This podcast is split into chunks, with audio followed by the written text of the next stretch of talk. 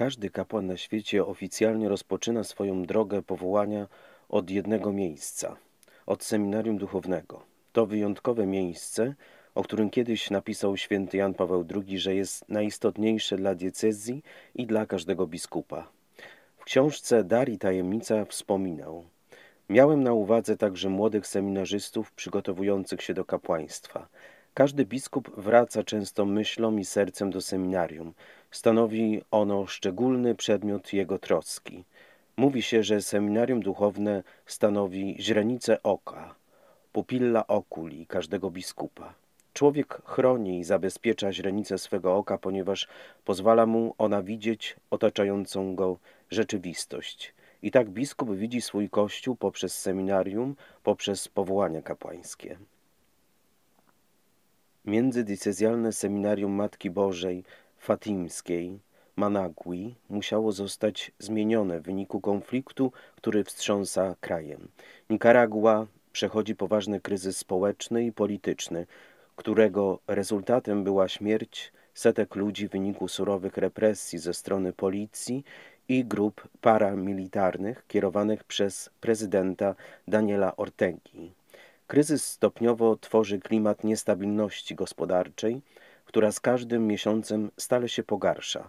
Kościół katolicki w Nikaragui jest strategicznym ogniwem w osiągnięciu pokojowego rozwiązania konfliktu, ale ma ona ograniczone działanie ze względu na groźby i gwałtowne ataki ze strony władz państwowych na mieszkańców tego kraju. W ostatnim czasie nasiliły się represje sił porządkowych wobec Kościoła katolickiego. Zarejestrowano, jak policja blokowała wejście do kościoła, w którym odbywała się msza święta dla członków rodzin więźniów politycznych. W efekcie w świątyni znalazła się zaledwie garstka osób. Wściekły tłum wdarł się do środka i pobił miejscowego proboszcza księdza Rudolfo Lopeza. Ucierpiała także siostra zakonna. Pomimo trudnej sytuacji Kościół w Nikaragui kontynuuje swoją misję ewangelizacji i pomocy humanitarnej. Kluczem do podtrzymania tego niełatwego zadania jest formacja przyszłych kapłanów, którzy dołączą do grona duchowieństwa, aby pielęgnować ducha nadziei i pokoju w swoich wspólnotach. W przeciwieństwie do wielu innych krajów z regionu Ameryki Środkowej, Nikaragua jest wciąż obdarzona licznymi powołaniami do kapłaństwa. Jednak ten Kościół potrzebuje naszego wsparcia, aby móc kontynuować formację duchownych, po to, by żaden młody człowiek nie musiał rezygnować z powodu braku środków finansowych. Przed obecnym kryzysem zwykliśmy prosić każdego alumna o 9 euro miesięcznie, by pokryć koszty prowadzenia seminarium. Oprócz tego każdy płacił za swoje osobiste przybory toaletowe, jednak obecnie wielu z nich mówi, że nie stać ich nawet na podstawowe rzeczy. Mówi ojciec Francisco Terigino, rektor Krajowego Seminarium Duchownego Matki Bożej Fatimskiej. Do 2016 roku seminarium kształciło alumnów z dziewięciu diecezji w Nikaragui, z wyjątkiem diecezji Managua i Granaty.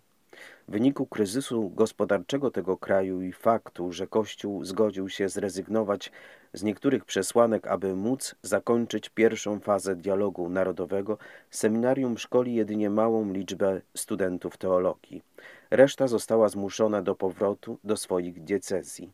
Istnieje wiele potrzeb takich jak jedzenie i koszty podróży, ale największym obciążeniem jest utrzymanie budynku oraz koszt zużycia energii elektrycznej, który stale rośnie z powodu braku środków finansowych, mówi ojciec Nigerino. Międzynarodowa Organizacja Pomocy Kościołowi w Potrzebie od wielu lat aktywnie pomaga temu seminarium. W tym roku pomoc dotarła dokładnie we właściwym czasie, w momencie, gdy najbardziej potrzebowaliśmy, wyjaśnia rektor. Dzięki temu wsparciu byliśmy w stanie pokryć koszty utrzymania budynku oraz opłacić personel akademicki i sekretariat. Również seminarzyści są niezmiernie wdzięczni za tę pomoc. 28-letni Engels Mauricio Beiros, pochodzący z diecezji Leon, jest na pierwszym roku studiów. Chcę wyrazić wdzięczność wszystkim, którzy tak życzliwie pomyśleli o potrzebach seminarium i którzy nieustannie wspierają to szlachetne dzieło Kościoła w formowaniu alumnów do życia kapłańskiego. To właśnie darczyńcy umożliwiają szerzenie Ewangelii, ponieważ przyszli księże, jak mówi papież Franciszek, będą mieli zapach owiec. Ten młody mężczyzna jest również świadomy samej wartości edukacji, którą otrzymuje w seminarium Matki Bożej Fatimskiej. Zazwyczaj są to szkolenia, w których może uczestniczyć z innymi z różnych części Nikaragui. Takie spotkania stanowią bowiem wyjątkową okazję do wzajemnego wzbogacania się poprzez wspólne życie i jedność w Chrystusie, pomimo indywidualnych różnic w wyrażaniu chrześcijańskiej wiary. Podobnie twierdził Teofilo Zamora z diecezji Siuna na drugim końcu kraju. Dodaje, jesteśmy prawdziwymi braćmi, chociaż pochodzimy z tak różnych miejsc. Teofilo zauważa, że możliwość kontynuowania nauki ma ogromne znaczenie nie tylko dla jego własnej rodziny, ale dla całego społeczeństwa Nikaragui. To dla nas wielka radość, że pomimo tak trudnej sytuacji społecznej, politycznej, gospodarczej, seminarium jest w stanie kontynuować swoją misję dzięki Waszemu wsparciu. Tragedią byłoby zamknięcie tej uczelni ze względu na kryzys gospodarczy w naszym kraju, ponieważ jest ona częścią dziedzictwa tego lokalnego kościoła. Engels Mauricio również doświadczył wielu trudności wynikających z biedy panującej w Nikaragui. Jestem świadomy, że te ostatnie lata były trudnym okresem dla mojej rodziny, biorąc pod uwagę sytuację w naszym kraju, ale mimo to idziemy naprzód, jako Kościół, wzajemnie ożywiając ducha chrześcijańskiej nadziei, ponieważ z Chrystusem możemy uczynić wszystko. Nasi biskupi nadal są strażnikami naszego narodu i towarzyszą nam. Rektor seminarium, który czuwa nad młodymi kandydatami do kapłaństwa, zapewnia nas, że mają wciąż nadzieję na powrót pokoju i stabilności w ich kraju, ponieważ, jak zapewnia, to jest nasza codzienna modlitwa. Jednocześnie potwierdza, że sytuacja jest pełna niepewności. Wiele osób opuszcza Nikaraguę, istnieje masowe bezrobocie, fabryki i inne miejsca pracy zostały zamknięte, ponieważ pracodawcy nie mają pieniędzy na opłacenie swoich pracowników. Wielu naszych studentów pochodzi z obszarów wiejskich, a ponieważ sezon deszczowy nastąpił bardzo późno w tym roku, niektóre rodziny straciły całkowicie środki do utrzymania. Na koniec dodaję, jeszcze raz dziękuję dobroczyńcom pomocy Kościołowi w potrzebie za ich solidarność.